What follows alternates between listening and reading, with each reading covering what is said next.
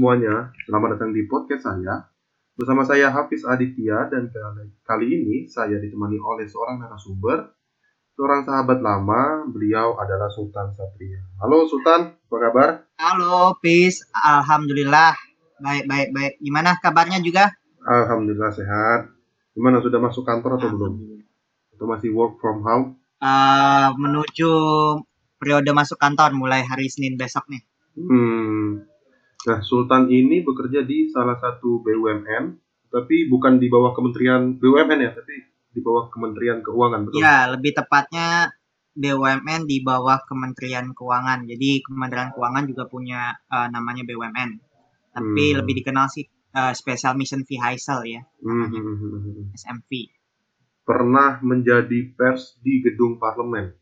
Ya, jadi dulu sempat waktu kuliah di eh, waktu kuliah dulu sempat ikutan volunteer di salah satu organisasi yang namanya Wiki DPR di mana kalau setiap rapat-rapat anggota DPR baik itu rapat komisi ataupun rapat badan kelengkapan anggota dewan, rapat paripurna, kita ditugaskan untuk meliput eh, untuk mempublish setiap omongan anggota DPR-nya atau mitra kerjanya untuk dipublish di Twitter, di Instagram atau misalnya ringkasan rapatnya kita juga publish di website agar bisa dibaca semua orang.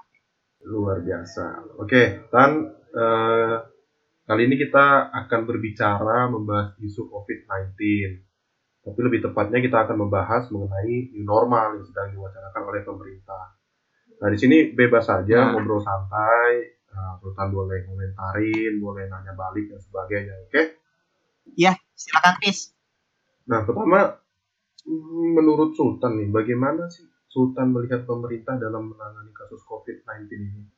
Oh, gini, kalau kita mau lihat eh, bagaimana sih eh, kerja pemerintah dalam penanganan COVID-19 ini, saya rasa mungkin nggak ada yang eh, satupun mungkin pemerintah yang pengen kejadian ini eh, terjadi ya. Iya. Tentunya di semua negara pasti eh, mempun pasti apa ya kayak semacam kelabakan, mungkin semacam melihat dengan situasi yang saat ini terjadi. Pandemi ini kan tidak diperkirakan sebelum-sebelumnya akan terjadi. Namun ketika terjadi, ya terjadilah kayak gitu kan. Jadi Betul. pemerintah mungkin pada saat awal-awal uh, semacam kedodoran dalam mengantisipasi ataupun juga dalam melihat uh, potensi bagaimana penyebaran virus ini bisa sampai kayak sekarang ini dengan angka sudah menyentuh 30 ribu lebih. Iya, pada 7 Juni Namun kalau kita sudah lihat, 30 ribu ya. benar, udah, udah 30 ribu lebih kan? Iya. Dengan totalnya itu uh, hampir sudah menyeluruh ya, seluruh provinsi sudah kena. Ya jadi uh, mungkin ketika kita ngelihat pertama tadi pemerintah seakan-akan kedodoran, kasus case pertama kita di awal Maret, uh, sebelum-sebelumnya kan terdapat banyak sekali pernyataan-pernyataan para pejabat yang blunder, yang menganggap enteng adanya corona ini, tapi kelihatannya uh, di bulan 3 ternyata kasus pertama ada dan masuk. Dan semakin berkembang hingga dua bulan saat ini jumlah korban sudah sampai 30 ribu. Tentu ya ada banyak sekali mungkin kebijakan-kebijakan pemerintah kalau kita melihat dari cara kerjanya ya Pis eh, ini apakah lamban ataukah memang hati-hati dalam dalam mengeluarkan kebijakan yang pertama mungkin dari sisi eh, kita melihat support terhadap tenaga medis di awal-awal kasus ini eh, keluar pada saat perjalanannya itu kita banyak menemukan rumah sakit-rumah sakit yang eh, dalam tanda kutip kekurangan alat pelengkap diri untuk tenaga medis, dokter maupun perawat. Nah, sementara jumlah korban terus meningkat. Nah, ini kan timbul eh, banyaknya semacam mungkin eh, kepanikan atau bahkan saya mendengar ada beberapa dokter yang memang benar-benar mengeluarkan uang pribadi untuk membeli alat pelindung diri. Tapi uh, alhamdulillahnya mungkin dari sisi lain ketika pemerintah mungkin kedodoran akan untuk support tenaga medis itu, tapi kita lihat uh, warga kita pis berduyun-duyun kan Iya. melakukan penggalangan dana untuk membantu tenaga medis dalam uh, apa namanya donasi untuk membelikan alat pelindung diri bagi mereka. Uh, support tenaga medis memang agak kurang kencang. Yang kedua, setelah kejadian tersebut mungkin uh, kita melihat posisi Pak Terawan selaku mungkin juru bicara terdepan ya seharusnya pemerintah dalam Seharusnya, ya. informasi kepada masyarakat untuk mungkin senantiasa menjaga kesehatan ataupun eh, menggunakan masker atau mencuci tangan. Di awal-awal kan agak ini ya eh, sempat juga enteng gitu ya. terjadi blunder. Dia menganggap enteng ataupun pela- eh, pemberian pernyataannya tidak tidak se apa ya mungkin tidak Terkesan main-main tidak gitu. menganggap dia sebuah Hmm. hal yang main-main. Jadinya mungkin yang sekarang menjadi juru bicara yaitu Dirjen dari Kementerian Kesehatan Pak Ahmad Yuryanto yang tiap hari kita kita selalu lihat ya dia mengumumkan berapa jumlah korban positif, orang dalam pemantauan, pasien dalam pemantauan yang meninggal, korban eh, yang sembuh berapa itu yang itu yang kita lihat juga. Nah, dari segi kebijakan pemerintah yang lain, mungkin dari hal ekonomi, tentu pasti sangat-sangat ini ya, Pis ya. Karena kan dampak dari adanya pandemi virus ini, ya kita lihat sendiri ekonomi menjadi sangat-sangat lesu dan turun bahkan ya. Bahkan Menteri Keuangan juga sempat eh, akan memprediksi bahwa kemungkinan Indonesia pertumbuhan ekonomi atau ekonominya bisa minus Iya, minus. dengan defisit aja kita udah berapa ratus triliun yang dikeluarkan dan ini memang semata-mata untuk menekan laju penyebaran virus corona utamanya ada beberapa undang-undang yang sekarang eh peraturan presiden eh, yang sudah keluar menjadi undang-undang keputusan presiden sudah keluar menjadi undang-undang termasuk tentang bagaimana kebijakan keuangan negara dalam hal mengatur pos misalnya untuk eh, apa namanya penanggulangan penyebaran dari virus COVID-19 ini itu mungkin ada beberapa kebijakan pemerintah yang.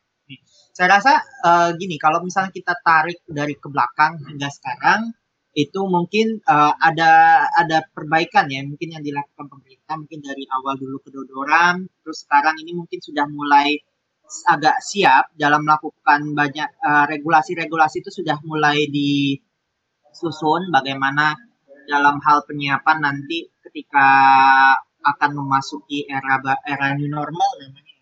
Disiapkan juga protokol-protokol kesehatannya seperti apa.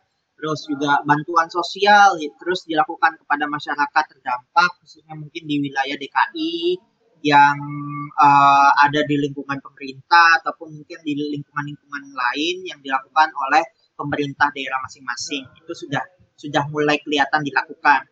Nah, yang jad, itu sih yang mungkin menurut saya sudah agak lumayan bagus lah dalam melakukan apa namanya kebijakan-kebijakan mungkin. Tapi dari sisi lain mungkin masih ada minusnya juga di mana kita lihat eh, banyaknya masyarakat yang mungkin sekarang bosan jadinya agak ya udah menganggap enteng aja. Misalnya keluar rumah karena dianggap tidak ada apa-apa atau mungkin semacam saya merasa nganggap diri sehat ataupun itu jadi bisa ke mana aja namun tidak ada perlakuan yang khusus kepada bagi masyarakat ya banyaklah kejadian contoh mungkin di DKI yang kemarin eh, ada sebuah mall di Ciledug itu yang buka tiba-tiba langsung berduyun-duyun warga masuk Iya. datang ke situ kan ini kan semacam melihatnya di sisi lain apakah masyarakat juga mendukung eh, terhadap himbauan pemerintah untuk senantiasa di rumah apabila memang benar-benar tidak ada kegiatan atau kebutuhan yang besar. Iya. Eh, mungkin pada awal-awal kasusnya yang buat masyarakat geram itu pemerintah seolah-olah denial gitu ya dengan kasus ini. Menganggap enteng, bilang corona itu apa? merek mobil, gak bisa masuk Indonesia karena perizinannya susah. Terus juga eh, pada saat manajemen krisisnya gitu ya, banyak pejabat yang berbicara atas nama negara, atas nama istana. Jadi kita nggak tahu siapa yang mau kita dengar gitu kan. Dari sini aku ngutip Mm. dari tweetnya Pak Sudirman Said ini tahun 2018 sebenarnya. Ada lima prinsip manajemen krisis. Satu, perjelas siapa yang memimpin. Kalau memang sekarang kasus ini diserahkan ke tim gugus tugas, berarti pemimpinnya Pak Legend Doni Monardo gitu kan. Tetap Iya. harus laporan ke presiden. Maksudnya Ketua BNPB-nya, Bang. Iya, ketua BNPB-nya tetap harus laporan ke presiden. Tapi ya menteri-menteri lain ya nggak usah buat statement-statement yang seolah-olah itu sudah menjadi kebijakan gitu. Padahal masih statement pribadi. Nah, yang kedua, tunjuk juru Iya. bicara tunggal. Jangan bersahutan. Yang ketiga, jujur, jangan sembunyikan apa pun. Nah, ini yang pada awal-awal kemunculannya kan pemerintah seolah-olah menutupin kasus ini kan, tidak mau dibuka. Ya memang Iya. mungkin pemerintah pengen buat masyarakat tenang. Eh, masyarakat tetap panik gitu kan. Ini virus belum ada vaksinnya. Gimana kita bisa tenang kalau kita aja nggak tahu siapa yang kena gitu Iya. kan. Terus yang keempat tuh terbuka pada setiap masukan, uluran tangan. Dan yang kelima ya koordinasi adalah kerendahan hati. Tapi Ya, sekarang dari- kayaknya sudah mulai Hmm. membaik dengan seiring berjalannya waktu gitu ya.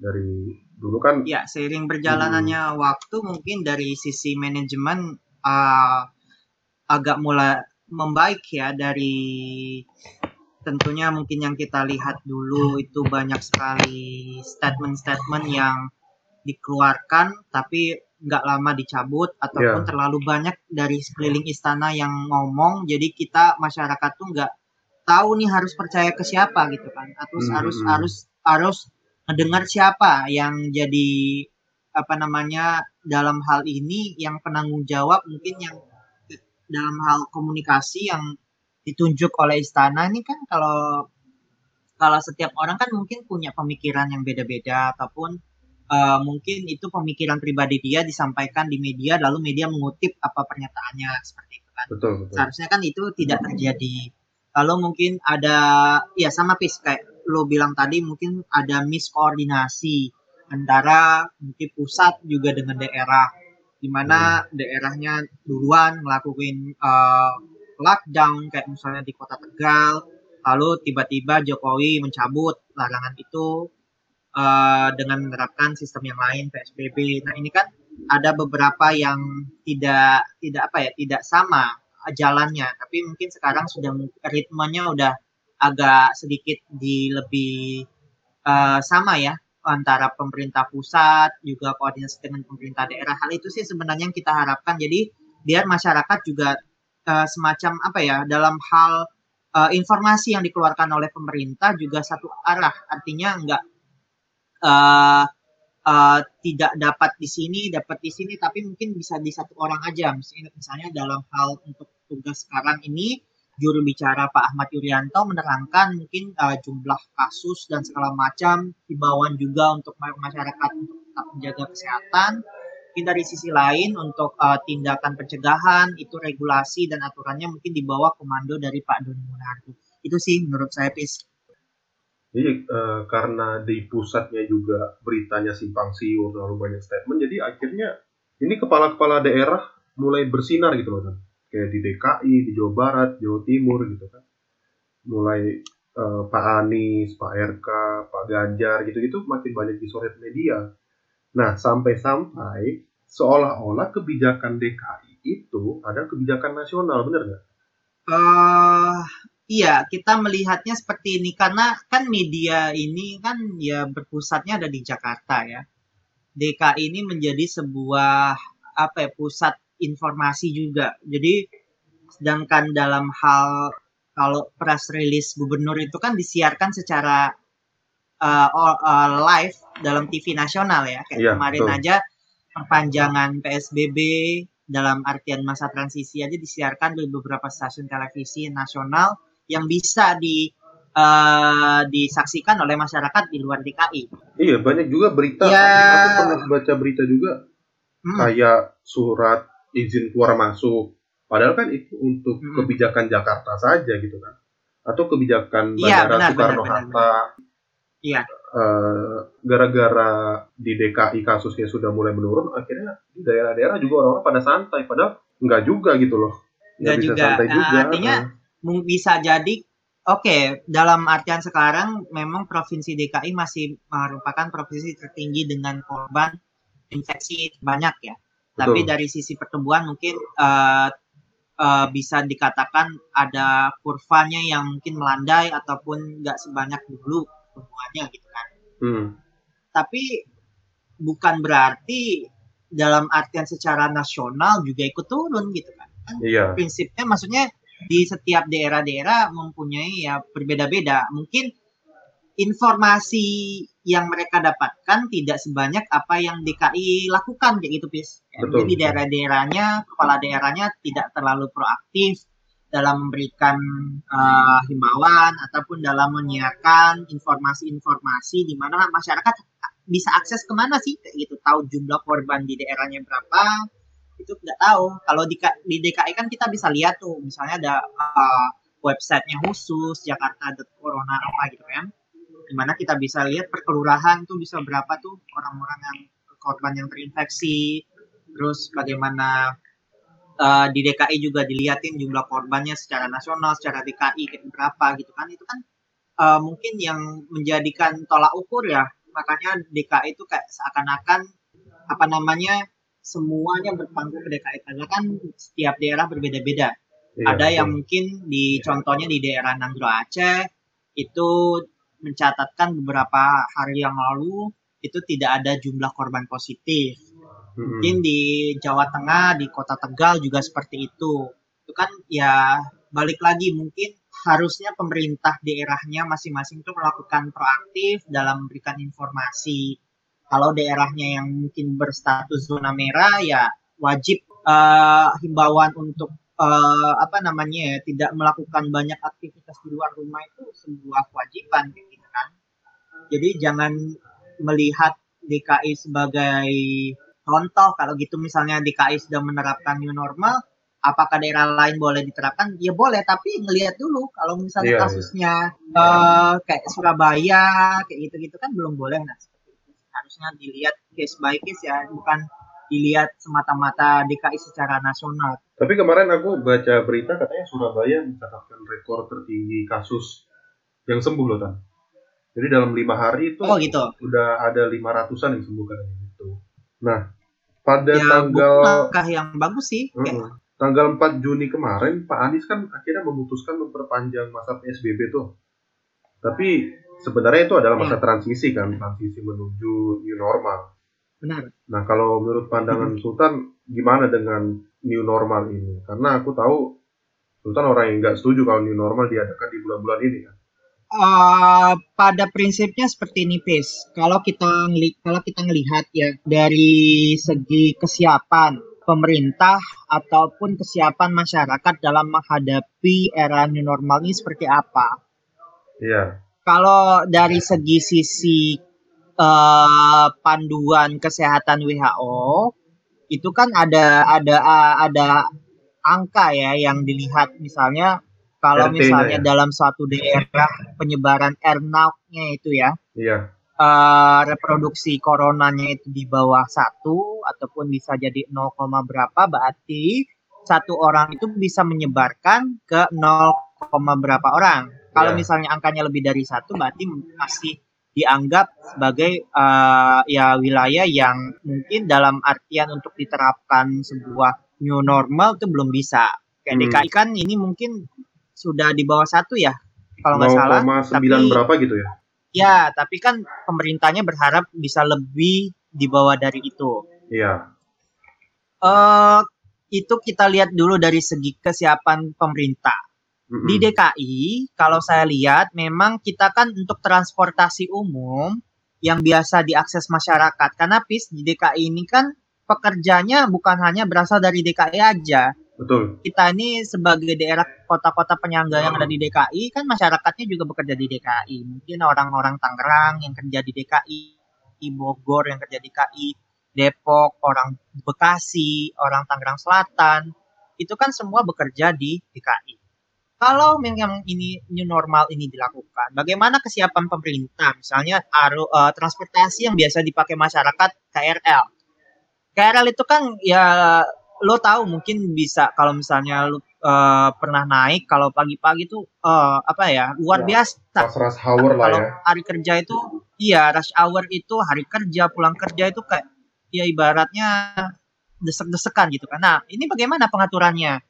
Seperti ya, itu. Betul, betul. Uh, dari hulunya misalnya dari kalau misalnya dari dari Bogor stasiun dari Bogor bagaimana pengaturannya sampai ke DKI memang benar-benar di protokol kesehatan tuh memang dijaga ini ini kan yang harus dilakukan pemerintah lalu yang kedua dari segi transportasi umum tadi KRL ada juga mungkin dari segi um, ya transportasi umum kan ada KRL untuk akses ke Jakarta ada MRT ada Transjakarta yang mungkin dari luar interkoneksi antar kota masuk ke DKI terus ada juga kendaraan umum. Ini seperti apa pengaturan dan polanya? Yang saya dengar pada tanggal 4 kemarin itu Pak Gubernur Anies sudah mengeluarkan kalau kebijakan untuk kendaraan pribadi dan kendaraan roda umum, it, kendaraan motor dan mobil maksudnya itu sudah dikeluarkan bahkan ada peraturan ganjil genap. Untuk motor pun nanti bakal disediakan, tapi saya tidak tahu sampai sekarang saya cari berita ternyata keputusan gubernurnya itu belum di uh, apa ya, ya, belum diterbitkan. Ya, karena ini masih proses penyusunan, tapi keputusannya udah ditandatangan oleh Pak Anies. Bak, okay. uh, eh, pasal bahwa nanti bakalan motor itu sudah nanti akan dikenakan ganjil genap. Nah ini kan, nah ini gimana evaluasinya? Masyarakat harus naik apa? Kayak gitu kan? Kalau transportasi seperti apa? Terus sektor-sektor apa yang boleh dibuka? Apa aja yang harus dibatasin kayak seperti itu? Nah lalu yang kedua kesiapan masyarakat. Bagaimana dengan era new normal ini sebenarnya apakah masyarakat benar-benar siap menghadapi seperti ini? Jangan-jangan kalau memang benar hari besok ini dimulai di jalanan itu uh, bakal penuh nggak sih? Ya kayak gitu kan? Uh, karena yang saya tahu memang hampir semua kegiatan perkantoran sudah mau mulai mulai beraktivitas pada besok ya. Jadi seperti itu pengaturannya dan juga uh, awalnya memang saya nggak setuju, tapi ketika melihat mungkin kesiapan ya dari segi pemerintah mengatur uh, dari beberapa uh, kebijakan yang sudah dikeluarkan khususnya kalau kita ngelihat ya pis kemarin Pak Gubernur Anies Baswedan secara detail menjelaskan apa-apa saja sektor yang boleh dibuka termasuk rumah ibadah dan segala macam. Ya, ya itu saya rasa mungkin pemerintah DKI udah mulai agak siap. Tapi uh, saya sel udah mulai setuju tapi kurang yakin aja kalau misalnya ini bakalan bisa kita lakukan. Apakah yakin atau misalnya uh, virus ini nggak bakal lebih banyak dengan adanya masyarakat yang dalam tanda kutip berkeliaran di luar. Kalau misalnya banyak kan ini kan pasti nanti bakal dievaluasi oleh pemerintah DKI kemungkinan kembali kepada PSBB pun bisa jadi kayak gitu kan? Kembali lagi pada saat seperti awal. Kalau misalnya amit-amit kasus bakalan bisa ningkat lagi pis kayak gitu. Iya iya iya. Kalau misalnya kita berandai-andai gitu kalau seandainya kita jadi pejabat. Sektor mana dulu tan yang harus kita buka? Menurut Sultan sektor mana dulu yang harus dibuka gitu? Kalau memang benar-benar harus di ini apa namanya harus harus dibuka maksudnya bis iya. Sektor yang harus dibuka itu adalah yang pertama adalah industri perbankan ya. Hmm. saya rasa uh, mau nggak mau harus dibuka. Transaksi akan terus tetap berjalan lalu yang kedua dari sektor ya kesehatan. Apotik rumah sakit itu pasti harus tetap jalan. Dan tetap apa namanya buka selama masa pandemi ini. Dengan memperhatikan juga protokol kesehatan seperti itu. Lalu yang ketiga adalah sektor-sektor yang mungkin uh, berbasis uh, pemerintah ya yang butuh seperti mungkin Kementerian Keuangan ataupun sektor-sektor yang membutuhkan kebijakan-kebijakan yang serius. Dalam artian kesimpulan yang bisa kita ambil adalah bagaimana memang benar-benar di era new normal ini yang mulai berlaku besok tuh masa transisinya uh, benar-benar pemerintah itu memang ngejaga dari sisi jangan sampai justru dengan adanya new normal uh, peningkatan makin banyak. Itu kan yang tidak kita inginkan ya. Artian dalam artian juga masyarakat juga ingin terproteksi dari hal-hal yang tidak mereka inginkan juga kan dari penyebaran virus dan segala macam. Di sisi lain ya mungkin saya dulu yang tidak setuju jadi sedikit setuju tapi dengan rasa yang kurang yakin terlalu banyak yakin apakah memang benar-benar uh, bakalan bisa jalan sepenuhnya ya dengan adanya kegiatan yang agak semacam dilonggarkan seperti ini ya karena kan kita tidak tahu pis namanya orang uh, membawa penyakit dari luar kontak komunikasi dengan orang luar kan kita nggak tahu dia kontak dengan siapa aja Artinya juga banyak uh, beberapa kasus yang tidak ditemukan gejala tetapi dia terinfeksi uh, positif. Nah, itu yang agak saya ragu ya. Uh, bisa dijalankan benar apa enggak sih protokol seperti itu. Iya. Juga orang tanpa gejala itu lebih berbahaya kan daripada pasien dalam pemantauan tahu orang. Benar, benar. Itu. Benar, mereka lebih bahaya. Maksudnya karena kan dia nggak tahu dirinya sendiri aja nggak tahu tuh iya betul uh, dia terkena apa enggak kan gitu yang aku masih bingung ya aku juga nggak tahu ini misalnya RT-nya satu berarti kan satu orang dapat menularkan ke satu orang gitu kan kalau RT-nya di bawah yeah. nol itu berarti penduduk DKI itu imunitasnya sudah kebal terhadap virus atau bagaimana gitu itu yang aku tidak ngerti juga nanti kalau misalnya sudah nah, ada new iya, normal. Iya, kita kan sebagai uh, awam nih Pis ya. Iya. Asumsi perhitungannya tuh dari mana sih kayak gitu bisa tahu satu orang bisa menyebarkan berapa berapa virusnya itu bisa menyebarkan ke berapa orang. Itu kan perhitungannya seperti apa, sampelnya yang diambil apa gitu kan. Betul. Karena dalam artian ya pemerintah DKI saya nggak ngelihat tuh berapa jumlah orang yang udah dites gitu kan. Betul sebenarnya sampelnya berapa sih yang udah dites di DKI ini ada berapa orang gitu kan? Yang Kalau kita misalnya lihat. seluruh masyarakat DKI sudah dites dan hasilnya RT-nya di bawah nol, mungkin kita masih bisa uh, bernapas lega gitu loh ya. Tapi kan ini mungkin berdasarkan hitung-hitungan statistik gitu. RT-nya ya, di bawah nol gitu. Yang ditakutkan nanti pas udah ya. normal, orang dari luar Jakarta masuk kan masih bisa aja dia bawa virus lagi gitu. Bisa beda lagi hitungannya ah, kan. Bisa benar, beda benar. lagi hitungannya. Oke, misalnya kita urutkan itu. Uh, kan uh, kalau di new normal itu beberapa sektor dibuka bertahap gitu kan. Misalnya tahap pertama ini sektor bisnis dulu yang dibuka misalnya gitu. Nah, hmm. Hmm. Hmm. kita urutin dulu deh.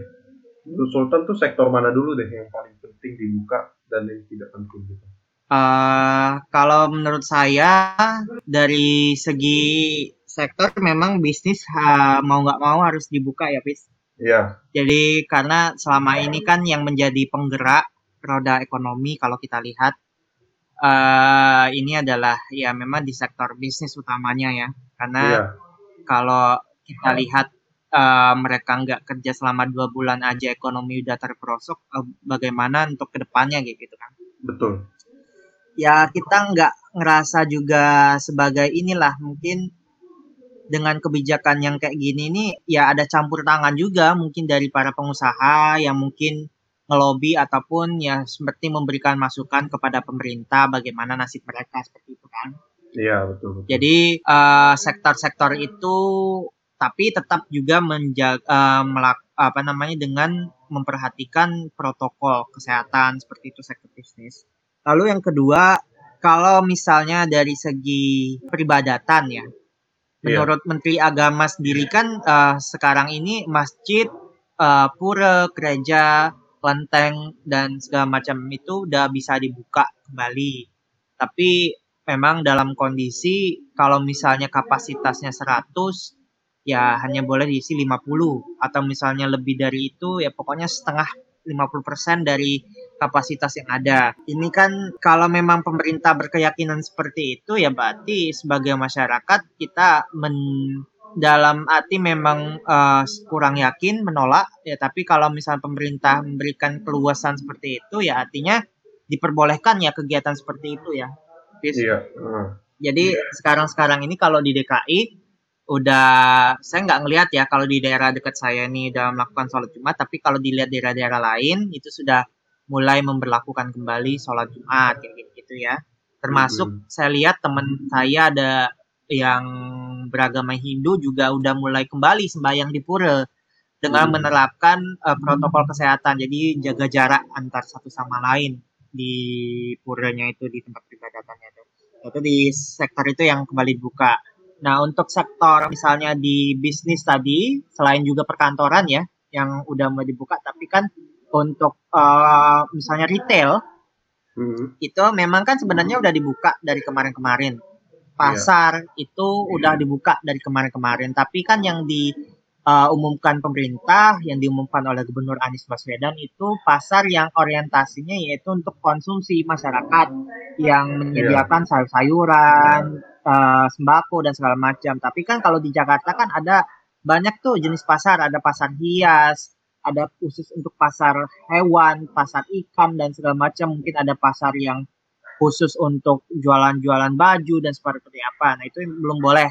Yang diperbolehkan sekarang ini yang masih buka itu ya pasar-pasar yang menjual-menjual untuk uh, alat-alat sorry untuk keperluan sehari-hari dari kita sendiri termasuk juga mall kan kalau nggak salah di minggu ketiga ya bulan November bulan Juni nanti baru buka kembali yeah. secara utuh. Kalau selama ini kan yang buka hanya uh, supermarket, kalau di mall itu apotik dan beberapa gerai makanan yang hanya uh, menyediakan jasa take only doang ya, take away doang apa makanannya cuma di ya, bawa oleh uh, benar oleh apa namanya oleh pembelinya aja jadi nggak boleh makan di tempat seperti itu untuk uh, beberapa catatan yang semestinya itu prioritas ya, uh, ya prioritas, prioritas. Uh, yang harus dibuka bukan yang ya yang mungkin memang dibuka dari segi sisi lain kan ada beberapa sektor yang masih dalam kajian utamanya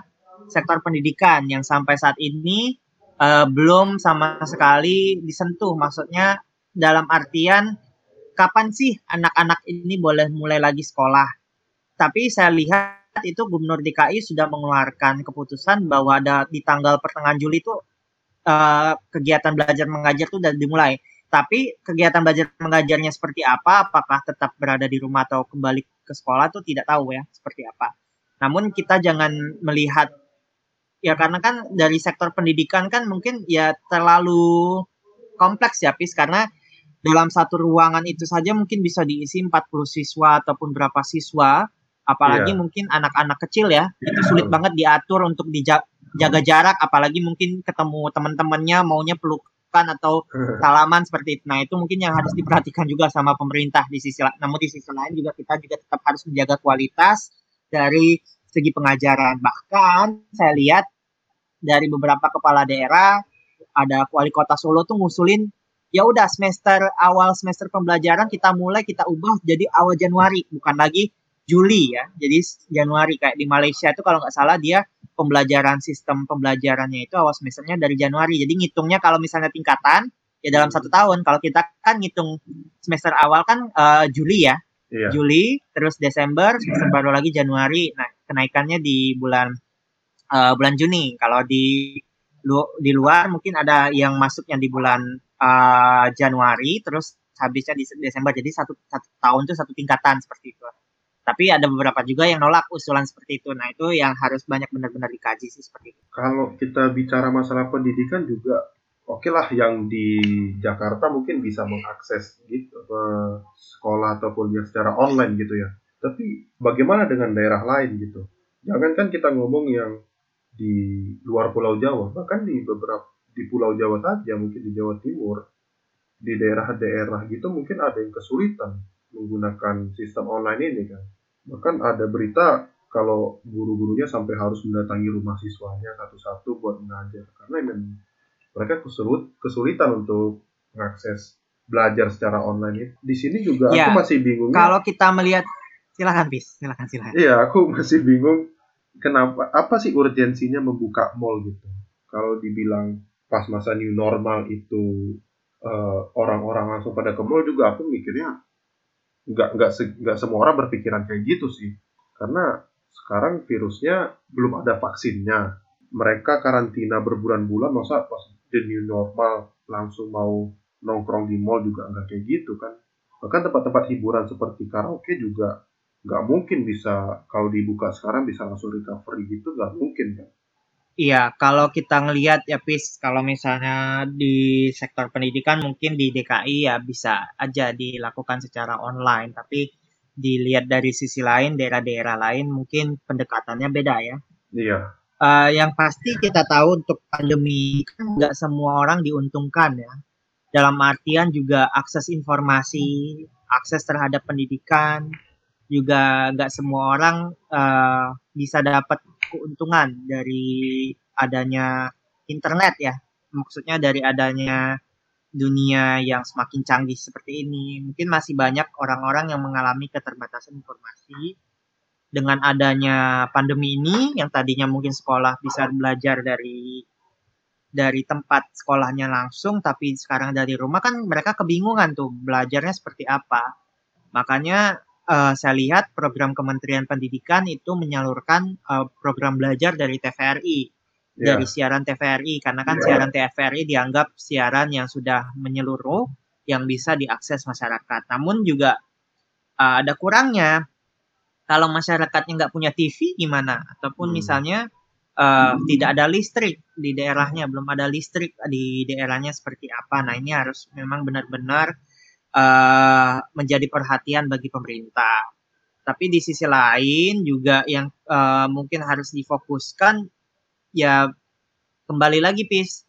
Kalau misalnya daerah-daerah yang mungkin dianggap zona-zona merah itu kan biasanya kalau kita lihat kan basisnya di perkotaan ya pis ya? Iya. Yang kita anggap dari segi informasi dari segi uh, akses wilayah akses masyarakatnya terhadap uh, dunia teknologi itu sudah canggih ya dalam artian ya bisa lah masyarakat akses melalui pendidikannya melalui bisa internet ataupun bisa melalui saluran TV seperti itu. Nah, ya tapi kalau untuk daerah-daerah itu kita belum melihat ya bagaimana Kementerian Pendidikan uh, mengkaji ini. Makanya sampai sekarang pun uh, kebijakan untuk pembukaan kembali sekolah secara menyeluruh pun belum belum ini ya belum belum disepakati secara bersama oleh yeah. seluruh pemerintah seperti itu. Namun yang kedua ya kebutuhan urgensi benar kata lu tadi ya kalau mall itu buka juga nggak semua masyarakat kembali harus berduyun-duyun juga ya ya hmm. belum tentu juga kayak gitu kan mungkin masih ada yang khawatir keluar rumah ketemu orang banyak ketularan virus menyebarkan virusnya keluarga ya seperti itu tapi memang tuntutannya dari bukan tuntutan semacam memang benar-benar kita ini dalam masa transisi ini adalah uji coba seperti itu ya kalau saya lihat ya Hmm. Uji coba hmm. bagaimana ya kalau kita mengibaratkan bahasa orang awam ataupun bahasa pemerintah yang mungkin menyebutkan mencoba untuk hidup berdampingan dengan virus corona yang dalam artian belum ditemukan vaksinnya seperti itu. Nah, itu itu yang mungkin jadi bahan semacam olokan juga oleh sebagian masyarakat. Apakah benar ini new normal namanya? Bukankah ini kita kembali ke aktivitas normal seperti biasa? Kan seperti itu ya. Mm-hmm. dalam artian ya kalau mm-hmm. mau dibuka ya normal biasa aja gitu kan? Iya. Kak ya iya. itu yang menjadi ya namanya sebuah semacam masalah seperti ini kan sangat kompleks ya e, kalau kita mengeluarkan kebijakan juga pemerintah mengeluarkan kebijakan juga banyak pro dan kontranya tapi kita lihat apakah nanti ke depan dalam evaluasinya uh, mudah-mudahan ya tidak terjadi peningkatan yang cukup banyak karena masyarakat sudah mulai beraktivitas di luar rumah. Ada sebagian yang sudah mulai beraktivitas di luar rumah seperti era sebelumnya, namun mungkin dengan menggunakan protokol kesehatan, ya evaluasinya nanti mungkin kita bisa lihat di bulan Juli, Pis, seperti itu. Iya, uh, banyak juga kan kayak pebisnis-pebisnis pebisnis retail gitu dia mengatakan wah ini kalau sampai bulan Juli atau bulan Agustus tidak dibuka wah kita nggak bisa survive gitu. Ya apa dengan pada saat bulan Juli dibuka itu orang-orang langsung pada ke mall gitu? Kan nggak juga kan nah itulah dengan adanya pandemi ini kan setidaknya ada equilibrium baru dalam bisnis gitu. Di mana para pebisnis itu dituntut untuk survive, berpikir out of the box gitu. Kayak yang dilakukan Hmm. sama Pizza Hut. Mereka kan sampai jualan di pinggir jalan gitu kan demi survive bisnis Iya, gitu. benar. Heeh. Ya, Ya mungkin saya lihat sendiri itu. pebisnis-pebisnis retail gitu bisa menggunakan lah eh, seperti berjualan di marketplace, di Shopee, di Tokopedia dan lain sebagainya. Atau iya spend investasi untuk membangun website gitu kan. Jadi berjual beli the- jual beli di online gitu. Kayak mungkin ya bisa jadi ya mereka punya toko di mall tapi belinya online gitu loh. Terus dengan protokol COVID-19 pokoknya protokol ini sih protokol new normal ya sebenarnya kan kapasitas mall harus 50% gitu kan Iya. nah gimana jaga kapasitas 50% itu gimana coba nanti yang ditakutkan terjadi penumpukan di luar mallnya gitu kalau misalnya di tempat wisata di rumah ibadah mungkin bisa tempat wisata mungkin bisa dengan cara booking online gitu kan jadi kita tahu berapa jumlah kapasitas tempat wisatanya. Tapi kalau di mall kan gimana caranya? Menghitung kapasitasnya 50% gitu. Ya, yang kita takutkan mungkin di dalam bisa 50% pis, tapi di luar terjadi penumpukan seperti Nah. itu. Betul.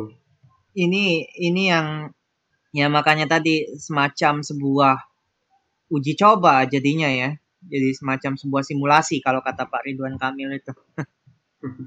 Pembukaannya. Sekarang kantor-kantor juga masuknya 50% ya? Kantor-kantor juga harus 50% sih dari kuota yang ada. Ya mungkin positifnya dengan protokol diberlakukannya 50% itu bisa mengurangi kemacetan lah. bisa mengurangi kemacetan. Atau juga mungkin bisa jadi metode kerja baru ya teman. Work from home secara rolling gitu. Minggu Ya, ini kita benar. Jadi kerja di namanya minggu depan Benar, kita benar, work benar. from home gitu kan bisa jadi Iya. metode kerja baru Jadi situasi benar-benar nggak pulih secara normal kembali seutuhnya. Jadi bisa jadi mekanisme-mekanisme work from home yang kita kenal sekarang ini ya diadopsi oleh banyak perusahaan ya. Contohnya Twitter ya kalau nggak salah ya Pis. iya Eh, dia sudah memperlakukan karyawannya itu work from home ya semuanya. Nah, itu jadi sebuah inovasi ya artinya dari dari bencana ini dari pandemi ini bisa juga membuat orang berpikir wah dengan adanya work from home kita bisa efisiensi berapa nih? Ya gitu kan? Iya. Dari segi mungkin kalau dulu eh kalau meeting kan perlu apa gitu kan snack dan segala macam ataupun mungkin kalau mau perjalanan dinas ke sini butuh segini kecuali mungkin yang eh, proyek mau ngeliat proyek secara langsung ya. Mm-mm. Dengan ini butuh sekian tapi kalau dengan ini bisa efisiensi berapa? Nah itu itu di luar dari itu ya mungkin banyak juga ide-ide yang mem- pengen memperlakukan work from home ini mungkin dari lima hari ada satu kali lah dalam satu minggu itu kita melakukan memperlakukan work from home kayak gitu. Ya work from home secara rolling juga mungkin bisa di menjadi solusi gitu kan bagi perusahaan yang mau recovery secara finansial yang telah terdampak pandemi ini gitu kan biasanya dia harus membiayain 100 orang karyawannya makan siang mungkin dengan ada work from home secara rolling dia mungkin cuma membiay- membiayain 50 karyawan saja gitu kan. Bisa juga jadi solusi mengurangi kemacetan gitu. Misalnya kalau ini diterapkan sama BUMN atau institusi pemerintahan lainnya juga udah berdampak sekali kan terhadap transportasi gitu. Eh, dalam segi ini ya ya maksudnya mengurangi tingkat jumlah kendaraan yang ada di jalanan kayak gitu kan iya yang sebelumnya di era normal seperti itu. Tapi ya kita lihat saja nanti bagaimana pengaplikasiannya mulai besok ya. Yang harus kita lihat tuh pagi-pagi itu seperti apa jalanan. Tapi kalau nggak ada anak sekolah sih mungkin juga nggak terlalu ramai jalanannya. solusi mungkin solusi lain dari ganjil genap kali ya kalau ganjil genap kan bisa diakal-akalin satu orang bisa punya dua mobil gitu kan satu plat ganjil satu plat Iya, genap gitu. ganjil genap itu ya bisa dua mobil. Jadi warga DKI punya mo- mobil ganjil, punya juga mobil genap iya seperti itu. Tapi Bisa. kan uh, ganjil genap ini termasuk juga efektif juga sih Pis maksudnya dibanding sebelumnya kan DKI kan menerapkan 3 in 1 ya yeah. 3 in 1 itu juga bisa diakalin joki-joki banyak uh, tuh di jalanan yang di daerah-daerah Jakarta ya yang masuk yeah. mobil daerah yang mungkin memperlakukan 3 in 1 tapi dengan adanya ini kan nggak semua orang juga punya mobil ganjil punya mobil genap bisa jadi dua-duanya punya dua mobil dua-duanya ganjil gitu kan yeah. atau dua-duanya yeah. genap atau nggak punya mobil sama sekali atau punya satu mobil seperti itu biasanya nggak punya mobil Bahkan, tuh kayaknya yang dari luar Jakarta ya dari Bogor Tangerang gitu ya Bekasi iya mereka rata-rata naik KRL karena uh, jauh juga uh, dan juga mahal biaya konsumsi bensinnya juga bolak-balik itu mahal jadi lebih baik kalau misalnya naik KRL juga efisiensinya lebih lebih iya. sangat hemat ya dibanding naik kendaraan pribadi kalau daerah-daerah sana. Tapi yang perlu kita perhatikan, Pis, dari pembicaraan kita ini bagaimana? Kalau menurut saya sih karena kan sebagian dari kita kan belum ya sebenarnya tuh pengen ya ngecek oh saya ini sebenarnya memang benar-benar betul sehat atau seperti apa kayak gitu kan. Ya yeah. kalau misalnya ada inisiasi dari kantor pengen melakukan rapid test seperti itu ya lumayan bagus ya. Artinya kita bisa tahu apakah diri kita untuk tes cepat itu punya antibody. Kalau punya antibody kan berarti kita reaktif ya. Artinya kita positif pernah terkena virus tapi nggak tahu virus apa yang kita kena kayak gitu kan. Karena yeah. antibody kita udah terbentuk seperti itu. Nah, nah ini besok masuk kantor ada rapid test Iya ada ada. Ada. Hmm. pagi-pagi itu kita disuruh rapid test dulu sebelum masuk ruangan. Sebenarnya saya ada rapat tapi nggak tahu nih uh, mekanismenya seperti apa ke kantor uh, pagi-pagi karena jam 8 tuh direncanakan ada rapid test buat 20 orang yang bakal masuk kantor besok seperti itu ya sebenarnya juga masih banyak masyarakat yang takut rapid test kan karena ya ditakut-takutin ya, bahwa tapi benarnya kan rapid test itu gitu. Iya benar benar benar benar mereka takut sendiri gitu gitu. Mm-hmm. Tapi sebenarnya rapid test itu juga nggak ya 100% bisa kita percaya karena kan itu cuma dia mengambil sampel darah aja sedangkan kalau yang saya baca itu ya kalau kita lebih tinggi aja nih ya yang swab selain rapid ya Yeah. Rapid test itu sebenarnya yeah. sebagai rujukan bagi kita untuk mungkin bisa melakukan tes swab secara mandiri ataupun mungkin uh, melalui uh, pemprov ataupun yang gratis ya fasilitasnya yang gratis saat itu. Hmm. Ya sama kayak kita kalau misalnya positif ya berarti reaktif ya punya antibody berarti kita udah terkena virus sebelumnya tapi nggak tahu virus apa. Kalau negatif pun belum tentu kita benar-benar negatif seperti itu kan. Iya. Butuh dites ulang ataupun karena atau memang antibodi kita belum terbentuk tapi kita sudah kena virus. Nah, itu itu yang harus benar-benar uh, diperhatikan. Begitu juga dengan swab. Swab dengan menggunakan polymerase uh, apa ya? PCR ya, polymerase PCR, change ya. Uh, apa ya? Ya, tes PCR atau swab test itu yang diambil sampelnya dari apa namanya hidung dan tenggorok dari mulut ya dari tenggorokan meskipun nggak nyaman itu juga sebenarnya kan butuh tiga hari ya untuk iya. tes seperti itu uh, apakah itu juga bisa dikategorikan 100% juga alatnya itu benar atau enggak seperti itu ya mm-hmm. tapi dari segi kita harus mendukung juga lah support tenaga medis. Artinya mereka benar-benar dengan seperti ini kerjanya siang malam bahkan 24 jam untuk para korban terinfeksi berjuang. Bahkan dari dari di antara mereka juga kena yang bahkan banyak juga yang menjadi korban meninggal dunia itu. Sebenarnya kita harus empati juga kepada tenaga medis. Artinya bukan bukan berpaku atau berfokus juga kepada ekonomi saja bagaimana ekonomi ini bisa pulih tapi juga melihat bagaimana nih sektor garda terdepannya dulu nih. Uh, sebagai tenaga medis ini juga harus diperhatikan seperti itu. Kan banyak nih eh, kasus-kasus uh, yang mungkin uh, di beberapa daerah yang kurang. Misalnya untuk alat rapid testnya ataupun sem alat untuk tes PCR-nya ataupun juga laboratoriumnya untuk menguji sampelnya itu uh, kurang. Nah, itu yang harus diperhatikan juga sama pemerintah. Jadi ada beberapa sisi kalau kita melihat situasi yang seperti ini. Respect yang setinggi-tingginya untuk seluruh tenaga medis yang sudah berjuang ya selama ini. Setidaknya COVID-19 ini ya mendorong kita untuk bertransformasi lah, berkembang, meninggalkan cara-cara konvensional. Ternyata kita bisa belajar, bekerja, belanja melalui online kan. Tapi di sisi lain, kita sadar bahwa sistem pendidikan dan kesehatan kita masih belum merata ke seluruh penjuru negeri. Iya. Artinya ke depan ya mungkin kita bisa mengantisipasi lah kejadian seperti ini ya.